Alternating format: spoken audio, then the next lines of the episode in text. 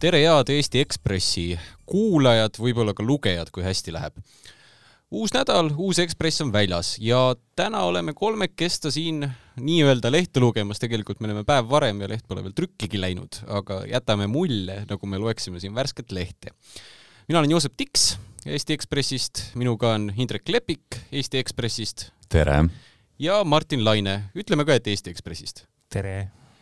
Kolmekesta siis siin üllatame oma partiiga. meil on hunnik lugusid kindlasti Ekspressis olemas, et kes näeb, see loeb, aga võtame täna siin stuudios mõned läbi ja hüppaks kohe pea ees esimesena Martini loo juurde. ma võib-olla lasen sul endal muidugi pikemalt rääkida, aga väike sissejuhatus nii palju, et see räägib ühtedest lollidest trollidest, kas ma võin nii öelda? Äh, ma ei tea jah, võib-olla, võib-olla küll niimoodi võib öelda uh,. troll, trollidest võib-olla igal juhul, aga iseasi, kas nad ise saavad aru, et uh, trollid on, et uh, trollidega kipub mõnikord nii olema, et nad ei saa ise aru, et nad on trollid. no nad pole vist ainult netitrollid, et seal on mingi kolm tüüpi on Aivo Peterson, kes on tegelikult mingisugune poliitik olnud siis on Oleg Ivanov, kes on siuke mingi sahkermahker krüptoärikas onju mm -hmm. ja viimaks on siis äh, suur Facebooki grupi looja Oleg Bessedin, kes on seal tallinlaste gruppi teinud, mis on, ma ei tea, umbes sama suur kui Pärnu linn oma nii-öelda elanike arvu poolest. ja et äh, eks äh, mina selle grupi niimoodi avastasingi, et ma olen juba enne Ukraina kriisi jälginud neid äh, erinevaid äh, sotsiaalmeediagruppe, mis äh, Eesti venekeelse kogukonna seas populaarsed on ja eks äh, päris õudne vaatepilt tihti, et äh, sellest on tegelikult juba Propastop ja noh, teisedki ka ajakirjandusväljaanded ammugi rääkinud, et Eesti sotsiaalmeedias on äh, venekeelne kogukond tegelikult päris selliste propagandistide meelevallas ja samamoodi see tallinlaste grupp, mida siis administreerib Oleg Bessedin, et see on ka selline grupp, kus levivad tihti sellised meie jaoks väga ebameeldivad äh, narratiivid, jutupunktid. ja eks siis hakkasin seal nägema, et kuidas Oleg Bessedin isiklikult siis hakkas promoma ühte, ma ei tea siis, kuidas isegi nimetada seda sellist poliitilist liikumist äh,, mille taga siis sinu nimetatud tegelased kõik nagu on ja, ja kui ma hakkasin nagu lähemalt vaatama näiteks, mida nad äh, Telegrami chatides teevad, siis nad enda arust loovad uut parteid meile Eesti poliitmaastikule. ütle paari sõnaga, missugune partei see on siis, selline reformierakondlik, sotslik, keskerakondlik, no ma, ma siin muidugi ironiseerin, onju. ja et äh, see ongi selline vastuolu, et nad ei taha nagu välja öelda selliseid pügalaid nagu pro-Putin või, või Venemaa-poolne või nad ei ole mitte kellegi poolt, nad on kõigi poolt samal ajal Nad on äh, patrioodid, kes kordavad Venemaa jutupunkte, nad on rahu äh, poolt, ehk siis nagu selline väga segane poliitiline äh, materjal äh, seal levibki, et selline vastuoluline äh,, päris täpselt aru ei saa, ega, ega nad ise ka ei organiseerinud võib-olla piisavalt hästi. ühesõnaga on näha, et see seltskond on mõjutatud Venemaa propagandast. no näiteks, et kuidas Ivanov teeb videoblogisid autoroolist, need klassikalised autorooli videoblogid, kus päikeseprill peas, siuke keskealine härra räägib väga emotsionaalselt äh, ja tema siis oma videotes räägib näiteks sellest, kuidas Butša massimõrv oli lavastatud ja, ja noh, sellised tüüpilised Venemaa jutupunktid mm. -hmm. samal ajal räägib äh, siis Telegramis ilusat juttu, kuidas ta on Eesti patrioot ja loob patriootlikku Eesti parteid, mis on eestimeelne ja rahu armastab ja armastab nii ukrainlasi kui venelasi. ilusad sõnad ju iseenesest, natuke meenutab seda, mis siin koroonakriisi ajal oli see mingi äh, Eesti lapsevanemad või murelikud lapsevanemad või no umbes sellised aga... jaburad sõnad, mis justkui nagu ütleks midagi, aga mille sisu mm -hmm. ei lähe kokku sellega. ei, see ongi minu kogemus nagu erinevate selliste mõjuisikute, trollide kohalike kapo aastaraamatu püsikülalistega ongi see, et kui sa nendega juttu hakkad rääkima, siis nad räägivad jube ilusat juttu, aga kui sa vaatad, mis nad kuskil nurga taga teevad, siis see on hoopis nagu koledam. ehk siis äh, jah, ja siis nad on, no me ütleme siin muidugi partei loomine, et, et miks ma seda kajastasin, üks on jah, siis äh, nii-öelda äh, mõtlesin, kas üldse tasuks kajastada selliseid äh, provokaatoreid. et kas rumalatele tasub platvormi anda? just, et kas see on nagu äh, mõistlik, aga ma vaatasin, nende videod on levinud nagu sadade tuhandete luge-, lugejateni Facebookis, vaatajateni ähm,. see mõju on liiga suur, et seda ignoreerida tänu sellele Oleg Bessedinile, kes kontrollib seda väga suurt äh, sotsiaalmeedia kogukonda ja kes ta siuke on või, või kuidas ta, issand, ma ei tea, me siin nuputame, kuidas oma nagu artiklikki saada onju kuhugi levima või vaatab, et jumalast inimesed ka nagu päriselt jõuaks mm -hmm. lugeda neid. Uh, kus see vend saab sada tuhat või nakstik? Äh, see, see on ju noh, esiteks see, on alati nii toiminud, et need Vene propagandistid, Oleg Bessedin on siis keegi, kes ei tööta otseselt Vene propaganda jaoks, aga ta ähm, on teinud kaastööd näiteks Vene propagandakanalitele, kui äh, ma ei tea, PBK või keegi tahab mingit intervjuud, siis helistavad Oleg Bessedinile, kes teeb need intervjuud ära. eks ta on selline tegelane, seetõttu ka Kaupo aastaraamatus väga palju äh, mainimist saanud äh,. ja need sellised sarnased propagandistid, samamoodi näiteks Sputniku ajakirjanikud ja kõik need on loonud siis Eestis terve rea selliseid kogukonnagruppe, mis nagu iseenesest ei ole mingi propaganda äh, aga kuidagi seotud on kogukonnagrupid, noh, tallinlased on selle grupi nimi, eks ole, seal arutatakse igapäevaselt Tallinna asju.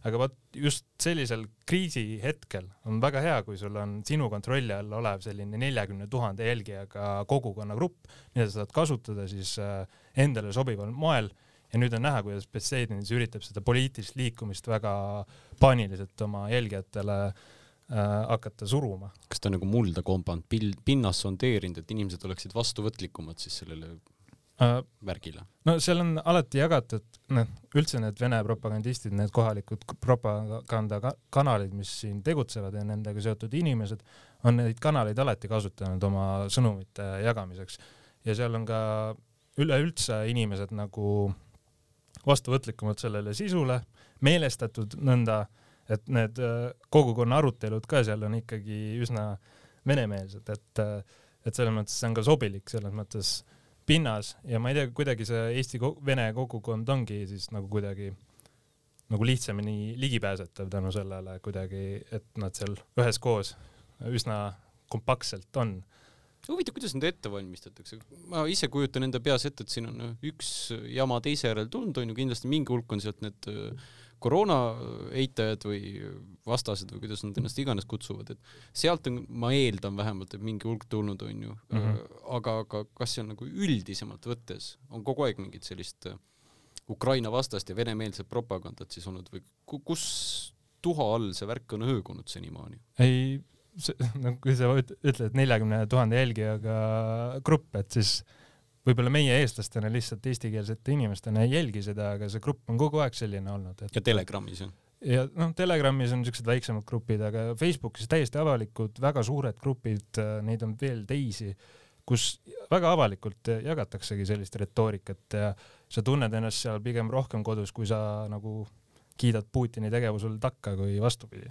ja kõik siis... need nelikümmend tuhat on seal ja hõiskavad ei, kaasa siis? vaevalt, et nad kõik kaasa hõiskavad ja alguses tundus üldse, et äh, kui see sõda nagu hakkas, siis äh, oli seal nagu sõja vastast meeleolu rohkemgi. aga nüüd nagu aegamisi see propaganda on kuidagi nagu oma efekti saavutanud, et need, need retoorikad nagu muutuvad selliseks, aga nagu ma ütlesin, neid maalitakse üldjuhul täpselt nagu see poliitliikuminegi, et äh, et sellise rahu nimel ja ma ei ole kellegi poolt ja ma ei, tegelikult ei austa Putinit, aga ma ei usu, et see ka päris nii on, nagu lääne ajakirjandus meile räägib, et eks nad on sellises vahepealses sellises justkui sektis, mis usub ühelt poolt nagu Vene propagandat, aga otseselt ei ole ka pro-Putin, aga kindlasti ei ole ka pro-Eesti või pro-Ukraina, ehk siis see on üldse siuke keeruline grupp. ja üleüldse, noh, minu lugu räägib, eks ole, sellest Telegrami jututoast, kus nad seal seda poliitilist parteid nii-öelda loovad noh, seal palutakse muide poli-, nagu partei liikmemaksu eraettevõtte kontole kanda, mis on mingi kahtlane eraettevõte, seega on ka seal selline veidi nagu pettuse hõngu natuke. petuskeem või? Pet-, noh, ta ongi vaata, eks ole, see Oleg Ivanov, kes seda veab, see on ju selline turu, võrk, turundusega pikka aega tegelenud oma krüptoäri tegevuses, et see, see partei loomine toimub ka seal nagu natuke nagu võrkturunduse meetoditel ja noh, ka seetõttu ma kirjutasin, et võib-olla need inimesed lihtsalt jäävad oma rahata, et see mm, -hmm. see on probleem. huvitav, palju neil raha on antud juba äh,? äh mina saan, ma nägin seal, nad täitsa avalikult jagasid seda nimekirja, see oli sada kakskümmend inimest olid nagu Google Docsis nagu nimekirja pandud mm. -hmm. ja kõik need pidid siis maksma kuskil kakskümmend viis eurot, siis noh, see on mingi äh, üle kahe tuhande euro, eks ole, mõni maksis kümme ka, aga, aga jah, et see tegevus seal on ka siuke huvitav jälgida, üritada aru saada sellest maailmavaatest, et nad arutavad seal täpselt samu asju, mida meie, eestlased, arutame. aga vaheta nagu üks riik teise vastu lihtsalt nagu lüngad täida nagu teistmoodi. ehk siis nad et seda on nagu huvitav jälgida, kuidas nad on ise oma selles mullis nagu nii sees, et nad ei saa näiteks aru, et, et miks on äh, Venemaa saatkonna ees näiteks protestimaterjal ja miks seda ära ei koristata sealt või miks mõni, näiteks nad seal kutsusid üles äh,, oli üks inimene, kes oli enda sotsiaalmeedia äh, täitnud Ukraina lippudega, Ukraina toetusavaldustega ja nad otsisid selle inimese tööandjat, et talle teada anda sellest, et äh, et äh, tema, et allu-. Usuvad, et nad teevad head ja,. jah, jah, et nad siiralt ei saa aru, et miks inimesed Ukrainat toetavad ja nad arvavad, et see ongi ühiskonna mõistes nagu laialt taunitav, et kõik peaksid nii mõtlema nagu nemad. Ja, ja et see on täiesti normaalne niimoodi käituda, et võtta tööandjaga ühendust ja kurta, et näed, sinu alluv toetab Ukrainat. et ma ei tea, kuidas on võimalik elada Eesti ühiskonnas niimoodi, et sa pead seda nagu normaalsuseks aga, aga sealt arutelu, aruteludest näha, need ei ole nagu pahatahtlikult, noh, seal on kindlasti mingi, noh, igasuguseid inimesi, mõni on pahatahtlikum, manipuleerivam, aga väga palju on selliseid, kes siiralt niimoodi mõtlevadki, et nad ei saa aru lihtsalt, kuidas, mis on ühiskonna selline äh, peamine mõtteviis või kuidas nagu ühiskond nagu kulgeb. ma nüüd tahtsin seda vahehelinat teha pumm-pumm-pumm ja siis minna teemaga edasi, aga Indrek tahtis äh, kohe-kohe nüüd midagi öelda? jah, ei, ma lihtsalt tahtsin selle võib-olla kokku võtta, et Venemaa jaoks on ju see väga tavaline tegutsemisviis, et nad kasutavad ära mingeid ühiskondlikke liikumisi ja siis osaliselt kaaperdavad selle, et olgu need rahuliikumised näiteks siin ütleme, ma ei tea Äh, ütleme Vietnami sõja ajal või siis äh, tuumavastane liikumine kaheksakümnendatel ja kõik muud asjad, et need asjad saavad alguse sellisest äh, tõepoolest rohujuure tasandist, aga mingil hetkel sinna siis tekivad mingid provokaatorid, kes hakkavad siis muuhulgas suunama seda liikumist ka siis Venemaa riiklikke huve täitma, olgu siis see tuumaenergiast loobumine, eks ole, mis paratamatult suurendab sõltuvust gaasist ja, ja patsifismiga on, eks ole, samamoodi, et eelkõige ikka sõditakse selle vastu, et miks ameeriklased läksid sinna teise ja kolmandasse riiki, aga see, mida teevad venelased või mida teevad hiinlased, see on kuidagi selline nagu teisejärguline. ja väga paljud noh, samamoodi koroona protestigrupid on muutunud nüüd nagu pro-Russia propagandagruppideks. Ja ma, mind, mind, mind nagu hämmastas, kui nagu ilmselge see on, et ma tead, aimasin seda ette, olles nagu jälginud neid koroona protestigruppe ja kellega nad lävivad ja millised trollid seal tegutsevad, aga kui nagu noh, labaselt see kõik toimus, et lihtsalt ongi sõda ja siis hakkab lihtsalt mingit äh, Z-tähe mingi propaganda hakkab pihta nendes gruppides. et see, et see ka koroona, koroona protest oli midagi, mida nad kasutasid. mulle meenub üks lugu, mis ma lugesin, kuidas Texases korraldati kaks meeleavaldust mošee vastu ja mõlemad olid korraldatud Venemaalt, niimoodi, et tehti kaks erinevat Facebook event'i, saadeti laiali kuulujutt, et Texases mingisse väiksesse linnakesse tuleb mošee ja siis äh, suudeti kaks äh, nii-öelda vastanduvat poolt ajada jumala noh, kettasse nii-öelda, äh, et nad läksidki üks ühele poole tänavat ja teine teisele poole tänavat, mõlemad üritused samal ajale tehtud Venemaalt. Jah, sest et Venemaa ainus eesmärk on neid ühiskondi destabiliseerida ja selles mõttes siis piisabki sellest, et sa lihtsalt nii-öelda olemasolevatesse tõlidesse valad äh, õli juurde, et, et sa ei pea selles mõttes, seal ei ole mingit suurt nagu strateegiat taga, et see on väga oportunistlik, et lihtsalt nähakse neid kohti ja siis sinna äh, keeratakse vinti peale ja kui õnnestub, siis õnnestub ja kui ei õnnestu, siis võetakse ette järgmine liikumine ja nii see käib üks lugu, mis meil on, noh, teeme siia nii-öelda vahekõlli pamm-pamm-pamm, mul endiselt ei ole, nädal viis äkki juba ikka, ma ei ole midagi vahele mõelnud siia. aga Hannes Rumm kirjutab meil sellest, kuidas tehakse propagandat nii-öelda. ehk siis noh, lühidalt lahti rääkides, seal on üks noormees Mariupolist hakkas seitseteist märts tulema Mariupolist. Tal on mingid tätoveeringud, sellised põhjamaised ja ta jumala eest lootis, et ta vahele ei jää nendega, et siis ta oleks tõenäoliselt maha lastud selle venelaste poolt. aga kuidagi nagu pääses, et filtreerimislaagrist siis veel seda püsti ei olnud ja keegi teda seal paljaks ei käskinud riietuda, sest kiire oli ja palju sellist segadust oli ja siis, kui üks buss hakkas neid ära viima sinna nii-öelda koonduslaagrisse, siis ta sai ka kiiresti sinna bussi peale niimoodi, et keegi teda kuidagi nagu vä väga ei kontrollinud. no ja viidi Rostovisse, Rostovist eemaldus sellest ülejäänud seltskonnast, kuidagi puhastas ennast ära ja läks bussiga, ei, rongiga läks Peterburgi ja sealt hakkas tema siis äh, Äh, kuidas nüüd öelda, Kolgata tee natukene, et, et ähm, noh, seal ta juba pi-, piiri tahtis ületada bussiga ja tuli välja, et kuule, oot-oot-oot, mis mees sa selline nüüd oled, FSB hakkas uurima. võttis mehe kinni, hakkas küsitlema, tegi temaga nii-öelda delfiini, et pani kilekoti pähe, valas vett sinna, onju, peksti teda vastu selga. no ja kõik on selle nimel, et äh, ta tunnistaks üles no mida ei tea täpselt, onju, noh, aga et oleks selge, et tegemist on ikkagi noh, mis seal Vene propagandas öeldakse, onju, natsiga ja Ukraina on ju Azovlasega ja nii edasi, edasi, et küsiti ka, et kas tal on, onju, sõjaväest mingeid sõpru, tal oli, aga ta ei öelnud, ta oli kõik oma, onju, nagu telefonid tühjaks teinud ja nii edasi, et see oleks päris pahasti võinud lõppeda. Teda ju ähvardati ka seal, et tead, sina võid kaduma minna, su ema, kes sinuga kaasa tuli, võib samamoodi kaotsi minna. et jumala eest oleks üks video, kus poiss räägiks. No niisugune video oligi, kus siis mm, ebameeldivad kohad, mis FSB-le ei meeldinud, valesti vastatud kohad on ju, olid välja võetud ja siis oli jäetud siuke jutt ja mulje, et näed, poiss ongi siuke tohutu mingisugune Ukraina nats. lõpuks ta sai Eestisse ikkagi tulema ja rääkis ka Annesele selle, ma saan aru, rääk-, tema rääkis ikkagi jah, saad, said Annesega kokku ja, ja rääkis selle loo ära. et see on kuidagi nagu noh, kuidas ma ütlen, et see nüüd ei suuda üldistada seda juttu, mis me eelnevalt rääkisime, et kuidas see Vene propaganda toimib, aga minu arust ikkagi võtab väga hästi kokku selle, kui palju Venemaa on nõus vägivalda kasutama, et pilt oleks nende jaoks sobiv. jah, sest et nende jaoks, äh, ma arvan, et väga paljude jaoks äh, nad siiralt ka usuvad, et kõik mehed, kes Mariupolist tulevad, peavadki natsid olema, sest et Mariupolis on ju natsid ja seal käib aktiivne denatsifitseerimine, et et et eh, eks need eh, tätoveeringute kehal oli kindlasti eh, hea ettekääne ka selleks, et noh, mina ei oska nüüd laskuda sellesse, et kust lõpeb põhjamaine sümboolika ja hakkab uusnatslik sümboolika, aga, aga, aga noh, vähemasti mida me teame selle mehe elust, siis, siis selles mõttes mingit nii-öelda neid kuritegusid, mida venelased püüdsid talle pähe määrida, ta ikkagi teinud ei ole, et, et jah, eks see ongi nagu see suur probleem riigis, kus ei ole õigust ega õiglust, et, et, et lõppkokkuvõttes sa oledki seal nii-öelda eh, ütleme siis eh, saatuse tõmbetuulte käes ja, ja, ja kindlasti noortel meestel ongi nagu see oht kõige suurem ja, ja siinkohal me peame ju arvesse võtma seda, et ikkagi neid ukrainlasi, keda on Venemaale küüditatud, on eh, sadu tuhandeid.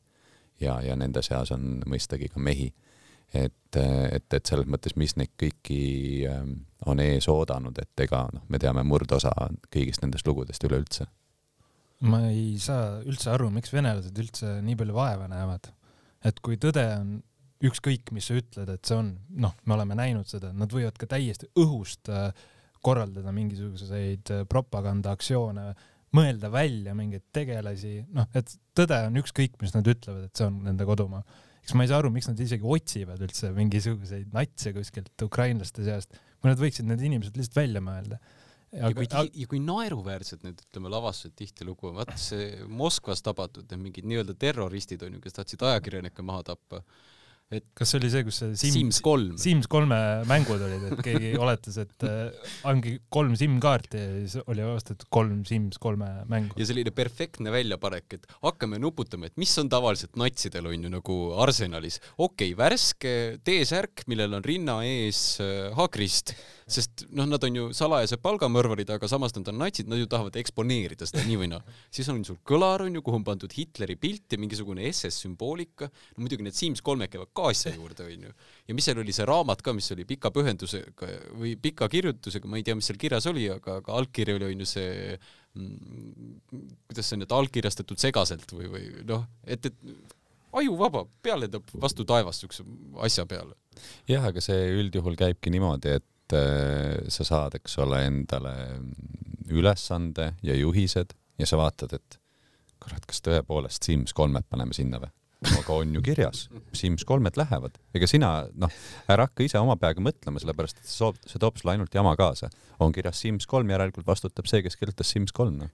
huvitav, kuidas see oli, et, et kas seal oli mõeldud kolm SIM-kaarti ja siis tüübid olid täiega segaduses, et oot, on olemas Sims kolm, aga kas me peame seda kolm tükki ka ostma või või ostan Sims kolm? see on jah ainult äh, oletused, aga, aga see näitab ka võib-olla seda, et äh, ega see tegevus võib-olla ei olegi nii mõtestatud, et äh, et see on mingil määral, eriti noh, see vangide mm,, kuidas nad vangidega käituvad või kuidas nad äh, küüditatutega käituvad, et see on selline väljaelamine või, või selline mm, no lihtsalt selle inimlikkuse see kõige kurjem pool, et see ei olegi nii mingi mõtestatud mingisugune loogiline tegevus, et see ongi lihtsalt ajuvabadus.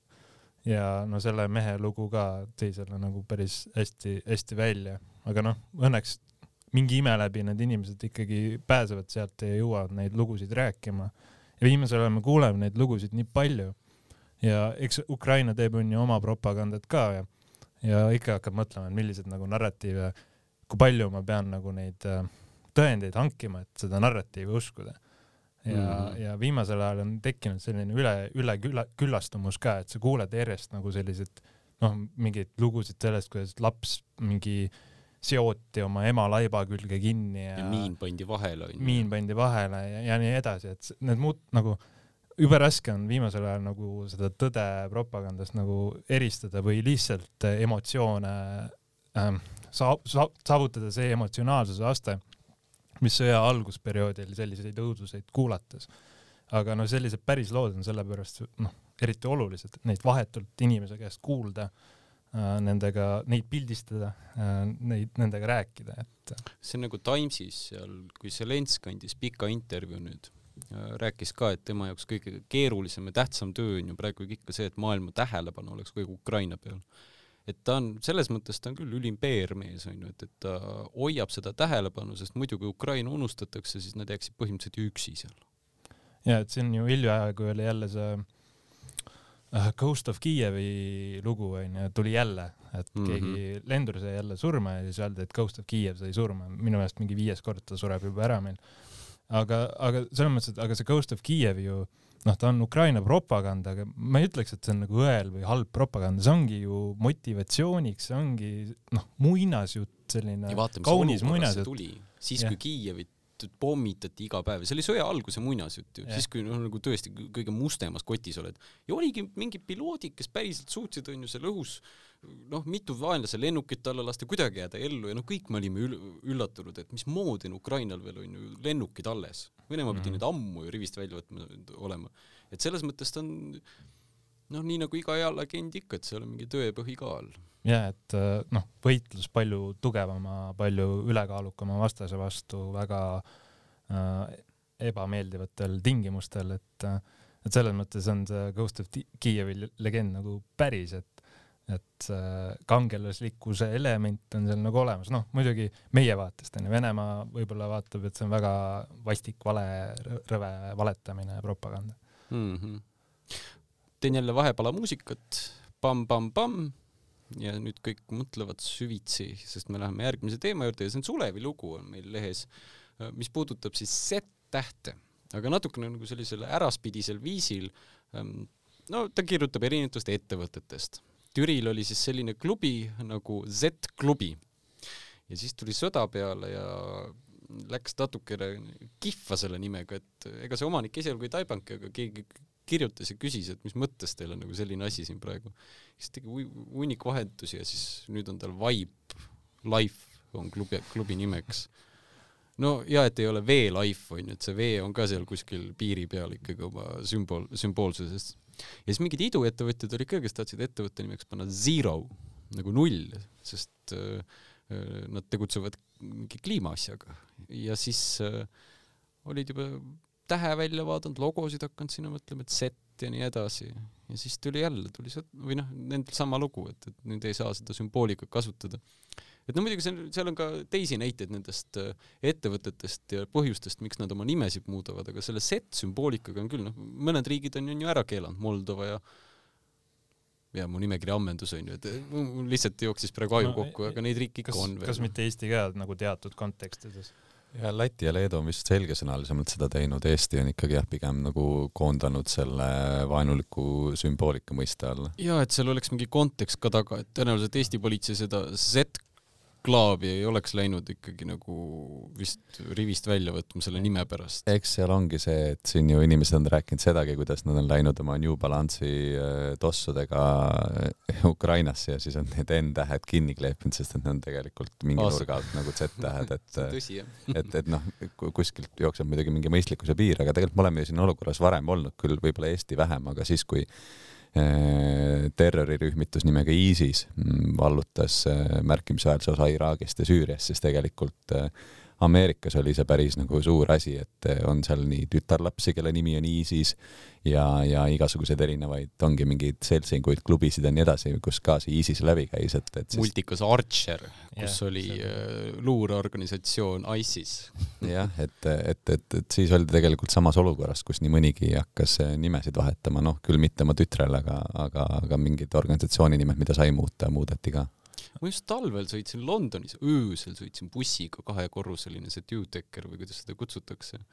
ja siis äh, seal oli, lõi järsku ees särama Icy Street ja siis see pakkus mulle ka nalja. aga noh, ma arvan, et üks hetk see sümboolika muutubki selliseks, et sa tajud neid absurdimomente rohkem võib-olla sealt, kui seda akuutset vajadust keelu, keelustada või lubada. ja Eestis oli see juhtum, kus mingi puukuur oli ka settkujuga ja siis juba, et anti teada, et noh, nende küsimustega ongi alati, kui neid asju arutatakse, siis on, kuhu me selle piiri tõmbame, aga tegelikult ju me kõik saame aru, kus see piir on. jah, tegelikult me saame ju kõik aru, kus see piir on, samamoodi Jaak Ristiga, et, et ühelt poolt nagu noh, üritatakse siis naeruvääristada Z puhul, et oo, kas me keelame Zorro ka ära. vastus on ei keela Zorrot ei keela ära. võib-olla me ei vaata kunagi seda Zorro filmi sama pilguga, aga me ei keela seda ära. ja, ja on kindlad kontekstid, kus ilmselgelt on see, kindlasti on ka keerulisi juhtumeid, kui auto peal on Z-täht, näiteks seal tagaklaasil mm, -hmm. nagu me oleme näinudki mõnes Ida-Euroopa riigis, kaasa arvatud Eestis siin sõja algul, siis võib olla jah keeruline, kui see inimene hakkab mingit jama ajama jah, et tõesti nagu mingi muu põhjus täiesti, ta, ma ei tea. no umbes samamoodi nagu, Zorrot teha. nagu haakristi lehvitajad äh, räägivad mingist budismist ja ma ei tea millest onju. aga, aga haakristiga me oleme ju noh, maailmas nagu vähemalt on võideldud juba, ma ei tea, noh, päris kaua. ja ega ta ei haakristki ei ole ju keelatud Eestis, aga jällegi sõltub kontekstist onju, kui sa tõesti lähed seal härra Adolfina välja ja ehid selle haakristiga ja noh no Eestis on see haakristi tabu natuke väiksem kui mõnes teises arenenud ühiskonnas, see on nagu kindel, et juba enne sõda taheti meil siin ju äh, ilmselt noh, ka haakristi silmas pidades seda vihakõne, vaenukõne reguleerida ja, ja ilmselt oleks ka see haakrist jutuks tulnud.